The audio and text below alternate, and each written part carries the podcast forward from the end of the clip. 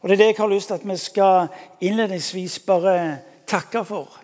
Eh, takke for det han er mellom oss som den som elsker. Takke for det han er mellom oss som den som ønsker å skape og gjøre nye ting i ditt og mitt liv. Jeg kjenner ikke din historie. Jeg vet ikke hva du kommer med i ryggsekken nå i kveld.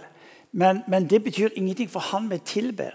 Fordi Han vi tilber, tar ikke utgangspunkt i eh, din historie eller hva du har gjort som skulle vært annerledes. Han tar utgangspunkt i hvem han er, og hva han vil gjøre i ditt og mitt liv. Det kalles for nåde. Det gjør eh, livet vanvittig spennende. For eh, utgangspunktet han. Så la oss takke for det. Herre Jesus Kristus, vi takker deg fordi at du kommer oss i møte denne dagen på en spesiell måte. Du har satt av denne dagen. Eh, du ga oss sabbaten nettopp fordi at vi skulle eh, søke ditt ansikt. Eh, få lov til å være hos deg og i ditt nærvær på en slik en måte at det som lå foran oss, Herre, det, det var noe vi kunne makte å være i og fullføre fordi du hadde gitt oss det vi trengte. Takk, Herre, fordi vi skal få lov til å arbeide ut ifra hvile. Takk, Herre, fordi vi får lov til å arbeide ut ifra det som er dine ressurser. Herre, vi takker deg for fordi at du er den som lar dagen vår ha sitt utspring i deg og din nåde. Så vi tilber deg, far, vi opphøyer ditt navn. Eh, lovet være du, Gud. Amen. Amen.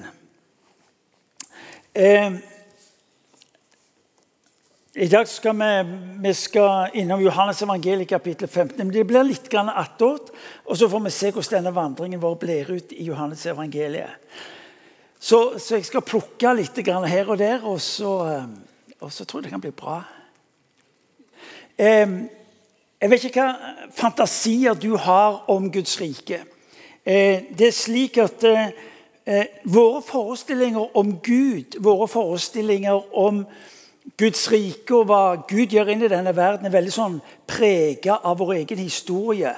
Av, av, våre erfaringer, av vår tradisjon.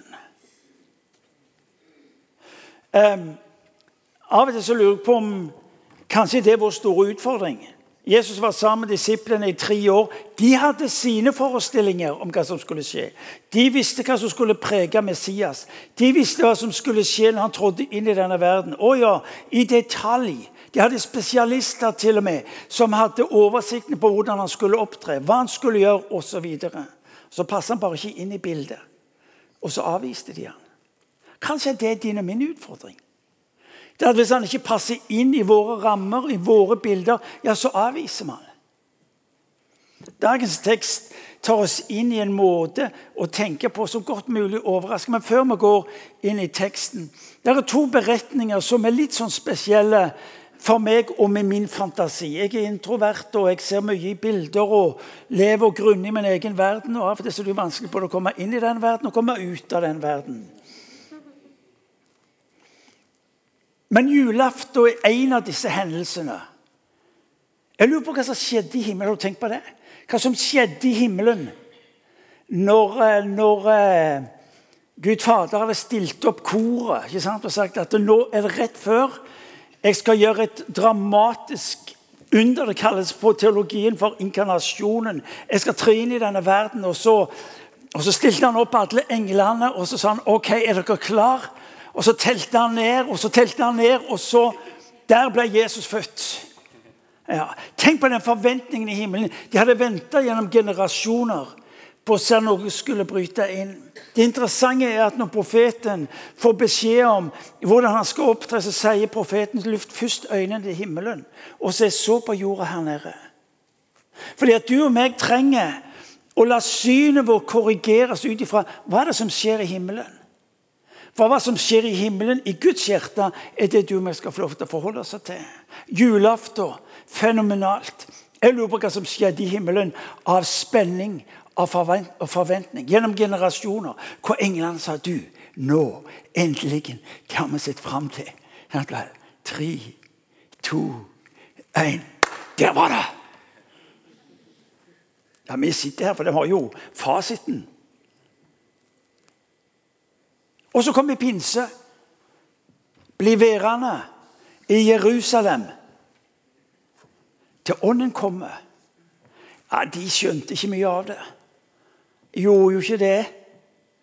det, de, de, hadde samling i bånn, de. De hadde en gang tusener som var med, og så, og så var de begynt med, altså med bønnesamlinger i Jerusalem. Det var ikke mye spenstig over det der. Det var ikke det, folkens. Tusener som var med Jesus en periode, og så, og så eh, forsvant de. Jesus passa ikke inn i ramma. Jesus passa ikke inn i formen. Så forsvant de. Og jo, det var kult. Han gjorde mye spennende. Helbreda folk, oppvekte folk for de døde. Og, ja, det var spennende, Men han sa en del rare ting òg. Utfordra dem på livet. Ba dem om å forandre livet. Så forsvant de. Så sitter de der en gjeng i Jerusalem. Det var ikke mange. Det var såpass mange at de fikk plass i en andre etasje i en tomannsbolig. Eller rekkehuset på Sunde. så skjer det noe i himmelen. Kan du se det for deg? De var med Jesus gjennom den smertefulle siste vandringen. De var del av, av det de så av en ufattelig smerte. Av å bære noe som var så usannsynlig grusomt. Han som tok mennesket sine synder. Og så er de med i den fortvilelsen og smerten av å se at han blir gjort ett til synd, med synd. Blir lagt i ei grav, og så, og så får de være med på fest. Han står opp igjen. Men så skjer det noe i himmelen. Og de gleder seg over eh, De gleder seg over oppstandelsen. Men oppstandelsen har et mål. Om Jesus om kirka, om du vil, om livet stoppet med påsken, så hadde det blitt med det. Men himmelen hadde fokuset videre. Du skjønner, Guds rike er i bevegelse. Og så er det noe som skjer i himmelen. Nedtel en ny nedtelling. En ny nedtelling. 40, 39, 38 37. Så er det en nedtelling på noe som igjen skal gripe inn og forvandle. Dere skal bli værende i Jerusalem. Skal motta ånden. Peter skjønte ikke mye av det. Han gjorde ikke det. Jeg hadde aldri opplevd det før. Visste ikke hvordan de skulle få dette til å passe inn, men de, de var lydige. Av og til så er tro lik lydighet.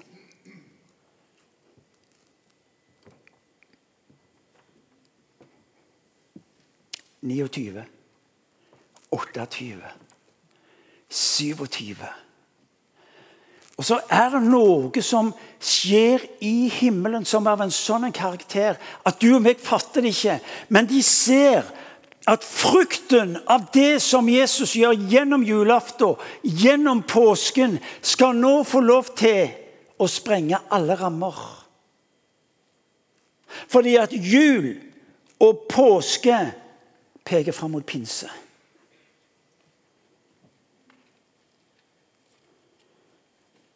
Nitten, 18, 17 Det er en forventning i himmelen på å få lov til å øse utover Guds folk det som Kristus har vunnet oss på korset. Og han har betalt en altfor høy pris til at du og meg skal gå glipp av det. Ja, Er Gud avhengig av dager? Han er ikke avhengig av dager. Men det synes som å være en type rytme i livet hans. Og takke meg til at jeg vil tilpasse meg hans rytme, enn han skal tilpasse meg sin.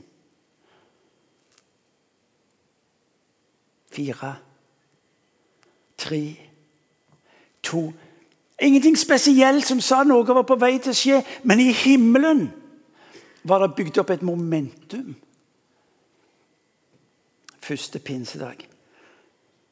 Mens de kommer sammen, står det, så eksploderte det. Få tak i dette nå. Du og meg er en del av denne eksplosjonen. Du og meg er en del av et liv som ingen av oss er i stand til å fantasere ut, til å fatte eller begripe eller få hendene omkring. Og det beste du og meg gjør, ja, la meg være så personlig, det beste Martin Cave gjør, som snart blir 65 år har levd med Gud i snart 50 år, det å skulle sette opp Sånn skal Gud gjøre det. For Gud tilpasser seg ikke min ramme. Han tilpasser seg ikke det jeg måtte tenke var dette var en grei måte å gjøre det på. Dette var trygt og, og dette var godt og, og dette var komfortabelt. Beklager den som vil ha med Herren å gjøre. Må våge det ukomfortable.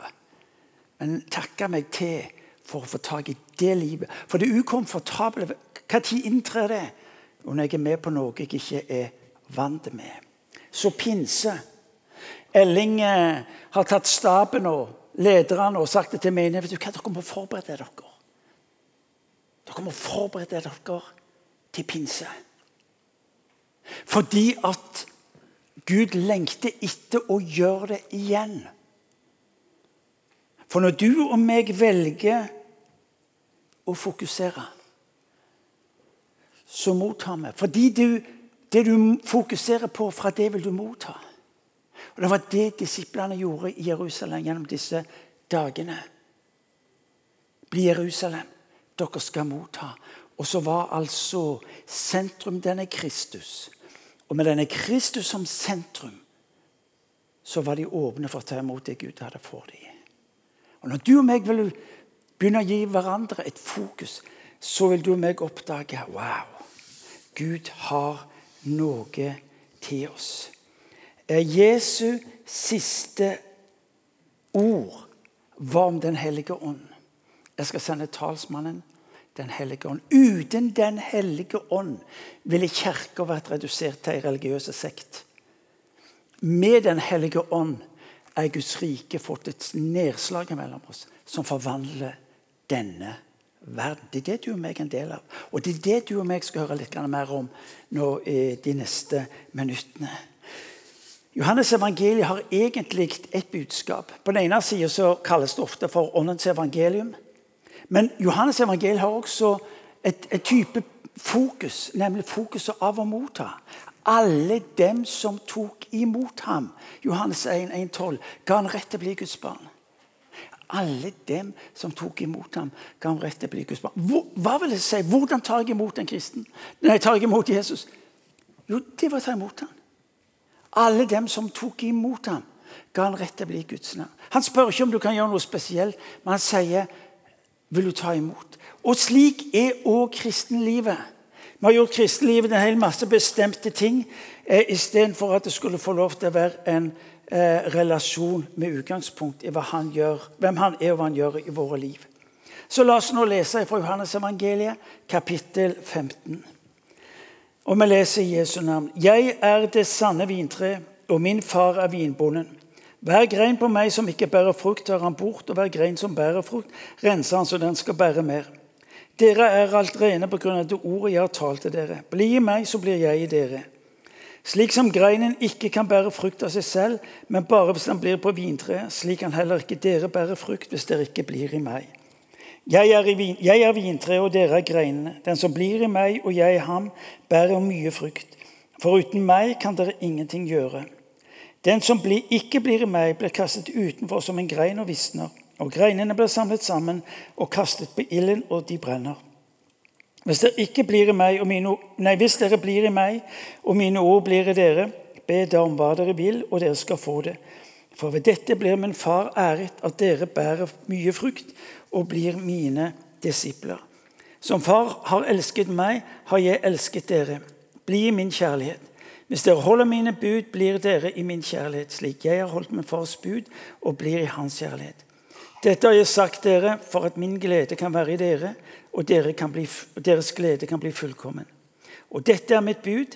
Dere skal elske hverandre som jeg har elsket dere. Ingen har større kjærlighet enn den som gir livet for vennene sine. Dere er mine venner hvis dere gjør det jeg befaler dere. Jeg kaller dere ikke lenger tjenere, for tjeneren vet ikke hva Herren hans gjør. Jeg kaller dere venner, for jeg har gjort kjent for dere alt jeg har hørt av min far. Dere har ikke utvalgt meg, men jeg har utvalgt dere og satt dere til å gå og bære frukt, en frukt som varer. Da skal Far gi dere alt dere ber om i mitt navn. Dette er mitt bud til dere. Elsk hverandre. Johannes evangelium kapittel 15 starter egentlig med slutten av kapittel 14. For der sier Jesus.: Men verden må få vite at jeg elsker Far, og at jeg gjør som Far har befalt meg. Stå opp og la oss gå herfra. Men verden må få vite. Eh, etter pinse så eksisterer Kirka egentlig for én ting at verden må få vite. Pinse har ett fokus fordi at Ånden er gitt for at verden må få vite. Grunnen til at denne kirka er bygd, grunnen til at du og meg får lov til å være en del av denne menigheten, kokes ned til ett fokus at verden må få vite. At verden må få vite. Hvorfor er vi i kirka, Martin? Jo, fordi verden må få vite. Hvorfor holder dere på med aktivitetene, Martin? Jo, fordi at verden må få vite. Hvorfor er dere opptatt med alt det som går For at verden må få vite. På den ene sida at far elsker meg, men at jeg også elsker far. For når denne kjærligheten blir synlig i menigheten, vil folk våge å tro at Gud er nådefull. For at verden, for at verden skal tro. Og så tar han oss inn i en, en, en type metafor, et, et, bilde, et uttrykk. For hva det vil si å være kirke, og hva det vil si å være kristen, en Jesu etterfølger. Hva det vil si å bety en forskjell i denne verden. Hvorfor vintre? Jo, for de var godt vant med vintrene. Jesus tar utgangspunkt i hverdagssituasjoner. tar utgangspunkt i det de var vant med, med det de forsto seg på. Eh, og så vet vi at Gud bruker ulike bilder eh, på Guds rike, på mennesket og på himmelen. Men det vi lærer av treet, er at det sier noe om en hensikt. Treet har en hensikt. Treet sier videre noe om en, om en, relasjon. Han går litt inn, dypere inn på det litt senere, når han snakker om en grein som ikke bærer frukt. Treet sier noe om hensikten. Den sier noe om forbindelse mellom de enkelte delene, relasjonene. Og så sier den noe om mulighetene. Så bruker altså Jesus bildet om vintreet i overført betydning. Og det han peker på, det er å gjøre kjent. Hør nå, sier han. Dere er her for å gjøre kjent. Jesus henter ned en sannhet som de forstår ved å se i det fysiske. Jesus henter sannheter fra det usynlige, og så hjelper han dem til å forstå en sannhet for livet. Poenget er ikke treet, men frukten. Poenget er ikke vintreet, men frukta. Og det interessante er at Jesus sier 'mye frukt'. Du omtales som grein. Den enkelte av oss er altså grein på dette vintreet. Eh, Bibelen sier jeg bruker mange bilder. Sau, soldat, grein. Eh, erfaring av frukt tar mennesker inn i en større historie. Når mennesker får lov til å erfare troen i ditt liv, tas de inn i en større historie. Det interessante er at når eh, Snart så skal, så skal epletreet, så får vi bruke epletreet, begynne å blomstre. Og vi ser på treet og vi tenker her er det noe som skjer. Og det er tydelig. Du og meg skal få lov til å være en del av det treet som kirka er i denne verden, ved å bære frukt som denne verden kan erfare for sitt liv. Ikke ved at du strever med å skulle bli, men ved å være på treet. Jesus sier, eh, 'Bli i meg, så blir jeg i dere', sier han. Hva vil det si å være en kristen? Jo, har dere hørt meg si mange ganger, det å la Gud få lov til å være Gud i livet ditt. I The Message, en amerikansk oversettelse, så sier han, eh, 'Flytt inn i meg'. La meg få lov til å bli i deg. Bli i meg, så blir jeg i dere. Du som er en Jesus etterfølger. Hva er kjennetegnet på at du er en Jesus etterfølger? Det er at Guds ånd har tatt bolig i ditt og mitt liv. Ja, men jeg får det ikke til, og jeg har ikke så sterk tro. Alt det. Ja, men det er helt underordna. Det, det som er saken, det er at han inviterer deg og meg til å la sitt liv få lov til å strømme gjennom ditt liv. Johannes evangeliet, kapittel 7, vers 37, så, så, så roper han det ut til, til, det jødiske folk, som har drevet på og drukket av brønner som ikke ga liv. For så å si det er du som er tørst. Kom og drikk av meg. Bli i det jeg har for deg, og fra ditt liv skal det renne strømmer av levende vann. Fra stammen og ut i greinene for å bli i lignelsen. Altså, kan, kan, du se for deg epletreet? Vi forholder oss til epletreet. Dere har ikke greie på vintreet likevel. Det er for kaldt. Epletreet. Fra stammen fra røttene, fra Han som sier 'jeg er vintreet'. Men også fra bladene. Jeg har snakket med, med agronomen, jeg har snakket med Håkon. Og Han sier til meg at jo da, epletreet det henter energi og kraft fra røttene i treet, men også fra bladene og greinene. Og La oss bruke bildet litt sånn. Ja vel, Gjennom Kristus, i tilbedelsen av Han, får vi det vi trenger. Men også gjennom bladene og eh, eh, stilkene. Vil si gjennom menigheten, gjennom hverandre, får vi lov til å bringe liv inn i hverandres liv. Fra stammen og ut i greinene, men også fra bladene og stenglene. Omgivelsene har stor betydning. Og Så skal det få lov til å være bilde på menigheten. Bli i mitt ord. Og så sier han Dersom du ikke blir i Guds ord, så blir du alt annet. Altså, han skifter Plutselig så skifter han ifra å snakke 'bli meg, så blir jeg dere'. Og så er det snakk om et liv i overflod. Og Så skifter han plutselig fokus og sier han, eh, han tar bort de greiene som ikke bærer frukt. La meg si det slik. Jesus avslutter aldri liv. Jesus avslutter aldri noe som ikke holder mål. Jesus avslutter aldri noe som burde vært mye bedre eller kommet mye lenger. Han, han, han rører aldri ved det livet. Når, når, Bibelen forteller om at han avslutter, så, så avslutter han med det som er ferdig, som er avslutta, det som er dødt. Noen sier jeg er så redd for, å, for at det, fordi jeg ikke bærer frukt, så vil han kutte grein. Nei, han er ikke slik. Han er ikke den som slukker, står der, den røkende greina. Han er ikke den som knekker det allerede brukne eh, strået. Han, han, er ikke der. Når Bibelen her sier at eh, den som ikke blir i meg, blir kastet utenfor som en grein. Litt lenger oppe så står det eh, hver grein som bærer frukt, eh, hver grein på meg som ikke bærer frukt, den tar han bort. Altså, Det skjer to ting. Når ei grein ikke bærer frukt, så er det fordi den er død. Og du og meg skal få lov til å vite at kjenner du på frykten for bekymringen for skulle være, Ja, men ei død grein går ikke rundt og er bekymra.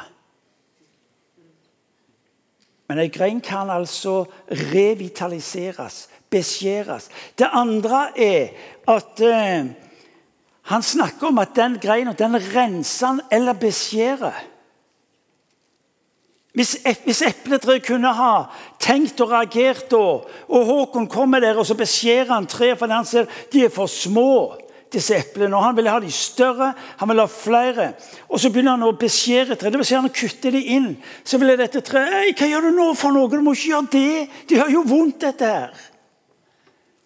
Livet vårt kan til tider være slik. Det kan være av prøvelser, av vanskeligheter. Og du og meg ber om at Gud skal ta det fra oss. Hør nå. Gud har aldri lovt at han skal ta de vanskelige dagene fra oss. Han har lovt å være med oss i de vanskelige dagene. Og for mange av oss blir de vanskelige dagene dager til beskjæring. Når du og meg opplever at det var ting som skjer som ikke skulle skje, og du tenker 'Gud, hvor er du hen i dette?', så ønsker han å si til deg 'Jeg er der'. Det kalles for beskjæring. Det kalles for den tida hvor jeg eh, hjelper deg til å eh, senke røttene dypere i meg for at du kan bære mer frukt. Eh, noen sier at motstand eller vanskelige dager er tegn på at Gud er langt vekke. Nei.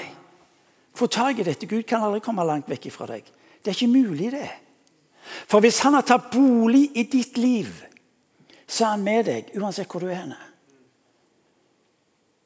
At du kan overse ham. At du kan la være å gjøre som han sier i sitt ord. Ja, det er noe helt annet. Men Gud er ikke en slik en Gud at han trekker seg på avstand fra deg fordi om du trekker deg på avstand fra han. Romerbrevet kapittel 8 sier ingenting kan skille deg fra min kjærlighet. Uansett hvor du er i livet ditt, så sier han 'jeg er der'. Jeg er der. Jeg er der. Det er evangeliet, folkens. Det er nåde. Når du og meg har gjort dumme valg, når du og meg opplever at 'Hvorfor gjorde jeg dette?' Eller ting skjedde som du ikke hadde kontroll på. Ting berørte livet ditt som du ikke forsto. Så tenker du at Gud har kommet på avstand fra meg, eller jeg har kommet på avstand fra Gud. En gang til. Det er ikke mulig. Det er ikke mulig. For han er ikke en sånn en som hopper inn og ut av livet ditt. Alt etter hvor og livet ditt lykkes eller mislykkes.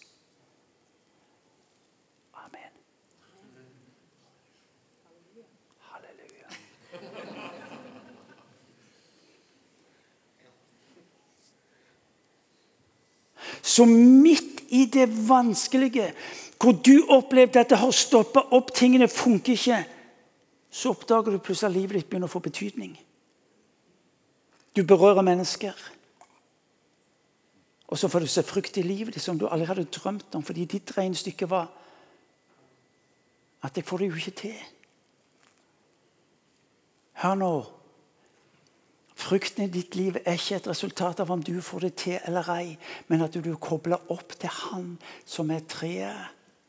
Kjære Gud, for en forskjell.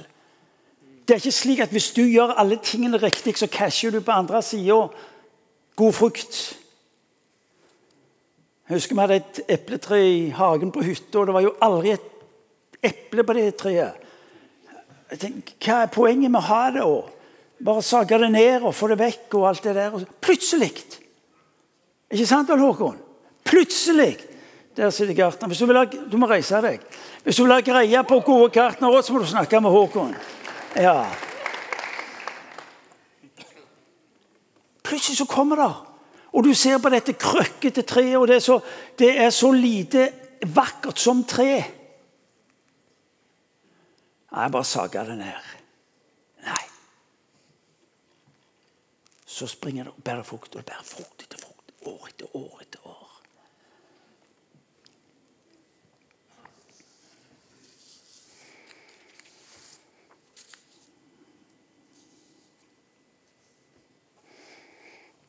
Din tvil i perioder. Din sorg over eget liv i perioder. Din smerte over det som skulle vært annerledes i ditt liv i perioder. Hør nå. Det er ikke perioder hvor, hvor du kanskje tenkte at ja, dette holder ikke. Jo, det holder fordi han holder. Og Det står noe utrolig vakkert. Jeg må begynne å slutte, men det skal jeg si noen ganger i dag. Eh, vi ble minnet inne på eh, vi ble minnet inne på eh, eh, bønnetimen fra Joel. Det er profetien om at Gud vil løse sin ånd over sitt folk i sin tid. Og så står det noe utrolig vakkert. Og det stemmer sånn med denne teksten. Og så står det at 'jeg vil gi tilbake fordi det, det du tapte' da gnagerne kom og spiste opp avlingene dine.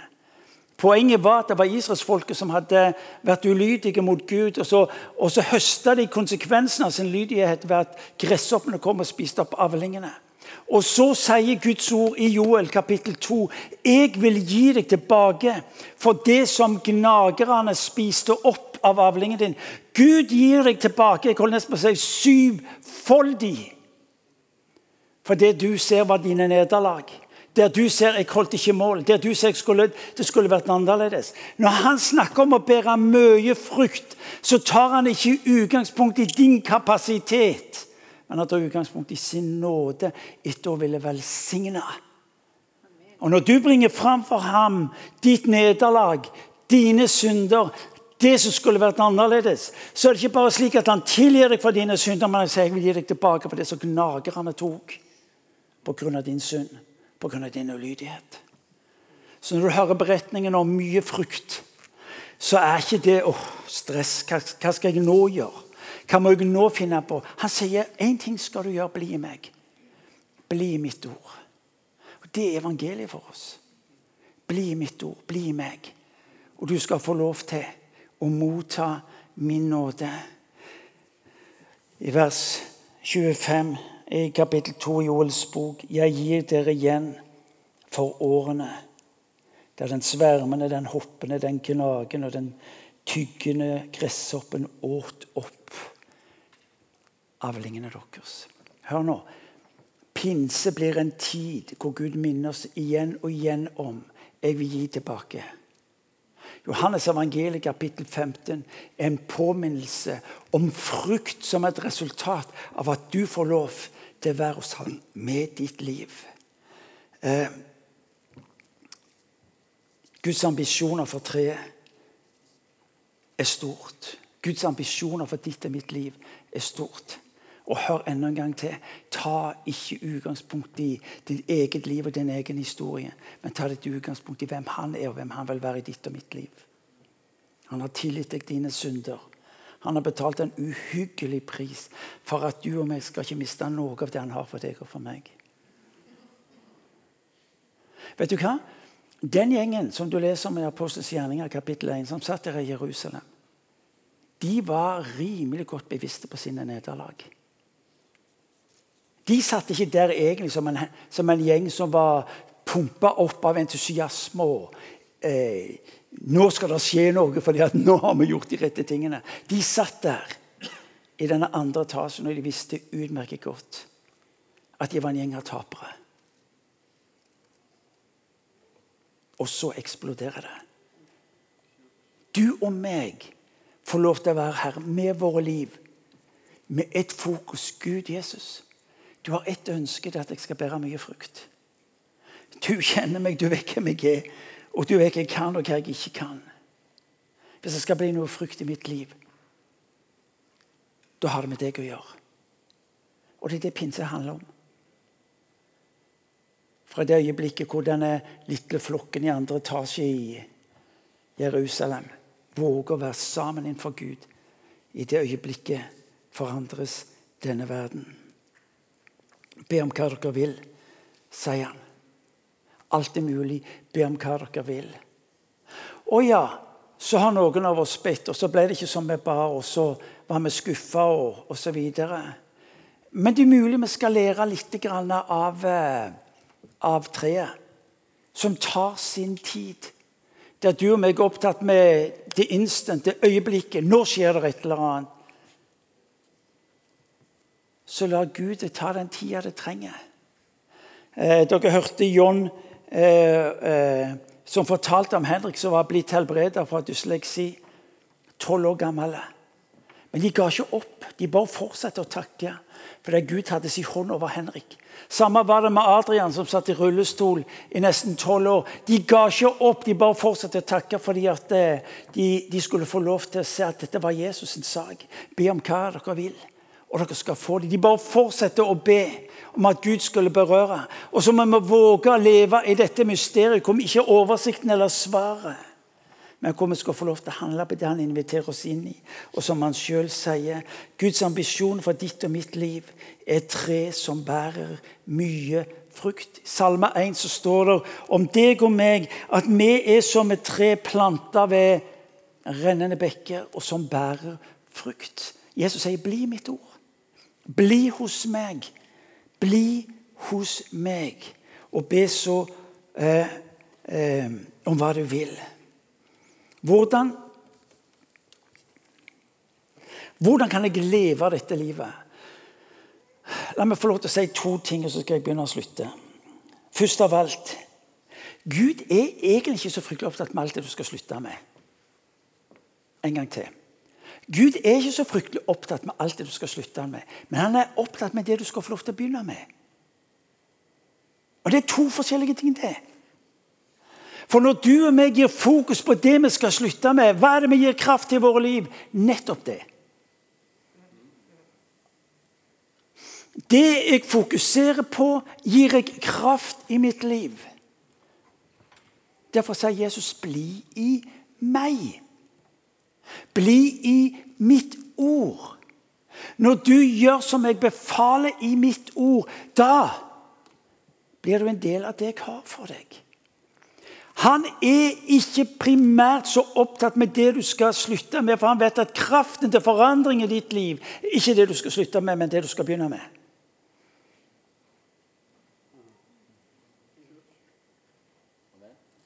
Jeg må gjerne si amen på det. For der ligger det mulighet. Men det kan jeg si deg hvis Vår Herre kommer med en liste til meg. Så her, Martin. Dette er det du må slutte med, og så skal det bli noe annet litt lenger ned på veien. Da var det noen av oss som hadde meldt oss ut og sagt no. Derfor sier han til disiplene før dere gjør noen ting annet, dra tilbake igjen. Bare fokuser på meg. Tilbe meg, så skal Ånden komme. Og så forvandles liv.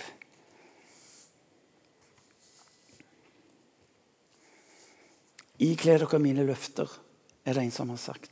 Det han kaller deg og meg til å gjøre, det er ikle oss hans løfter. For når du og meg ikler oss det som er Bibelens løfter, så bærer vi frukt.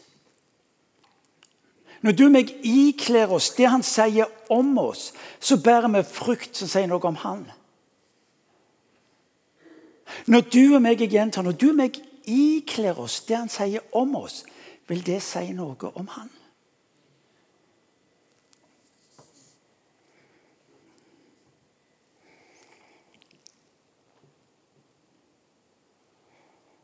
Han snakker om fullkommen glede som ikke er avhengig av omstendigheter og omgivelser.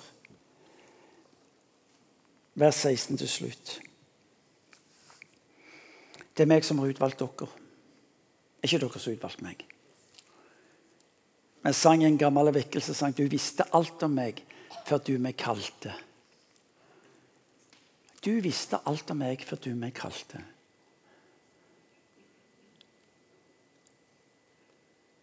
Der du og meg er opptatt med å minne om alt som skulle vært annerledes i våre liv. Der du og meg er opptatt med alt som er av Og som er eksperter på synderegister og jeg vet ikke hva. Så sier han, hør nå, vet du hva, jeg, jeg kjenner deg, jeg vet hvem du er. Ja, det er noen som sier ja, men det er viktig for deg at du Ja, vi skal leve i syndserkjennelsen med synsbekjennelsen, slik at vi kan få synstilgivelsen. Ja, det er viktig. Men der vi gjør synda til fokus, så mister vi hvem han vil være i våre liv. Han sier 'Jeg har utvalgt dere'. Vet du hva? Gud har ikke evnen til å angre. Jo da, vi ser en gang i Gamlestamentet at han i samtale med Moses sier vet du hva? Jeg gidder ikke mer. Så sier Moses ikke noe tull nå. Jeg. Du får ikke starte med meg. Men Gud ved Jesus Kristus angrer aldri på det han har utvalgt deg. Så du sitter her inne utvalgt for at du og vi skal få lov til å fullføre det han har for ditt og mitt liv. Og vet du hva? Det å bære frukt. Hvordan bærer jeg frukt? Jo, ved å motta for han. Det er ett ord som du og meg skal få lov til å ta med oss fra denne gudstjenesten ved å motta. Hvordan bærer jeg mer frukt? Ved å motta. Ved å motta. Jesus, hvordan bærer jeg ved å motta? Ja, men ved å motta. Ikke vær så opptatt med alt det du som trenger, som å ta imot det jeg vil gi deg. Det koker kristenlivet ned i en essens. Omfavn det jeg gir deg, sier han i Romerbrevet 12. Ved det oppfølger du min lov. Ved det oppfyller du min lov. Når han snakker om lov, så sier han Martin, omfavn det jeg gir deg. Motta det jeg gir deg. Når han snakker om frukt i ditt og mitt liv, så vet han at du og meg vil aldri være utgangspunktet for den frukta, annet at vi vil kunne få lov til å være bærer av den frukta. To forskjellige ting. OK? Han har utvalgt deg. Angrer ikke på det. Og så sier han motta, motta fra meg. Da har du gudstjenesten. Da har du bønnesamlingen om tirsdag klokka syv hver tirsdag. Du er nødt til å være der, for der får vi høre hva Gud gjør mellom oss. Tilbe Han. Lytte til det profetiske ordet. Du må være der og ta imot. Cellegrupper, huskirker, de ulike tjenester. Steder hvor du ikke primært gjør noe, men steder hvor du primært får lov til å motta for å gi videre. La oss reise oss.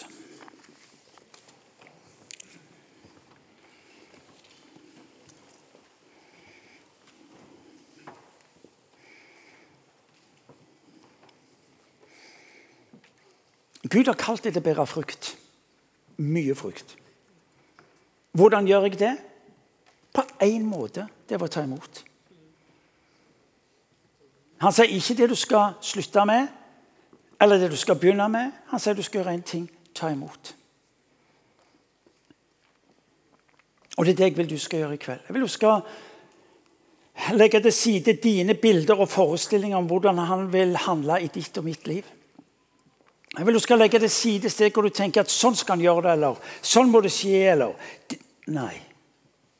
Men det du skal få lov til å vite, det er at som han så på disiplene dagene før pinse, ser han på deg og meg i dag, og han har ett spørsmål hvordan kan jeg få lov til å øse over den enkelte av mine barn av ånden på en slik en måte at denne verden forvandles.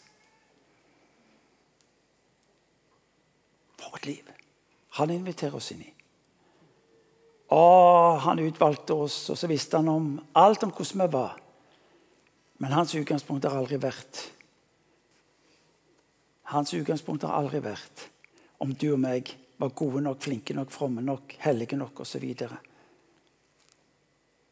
Han ber deg kun om én ting ta imot.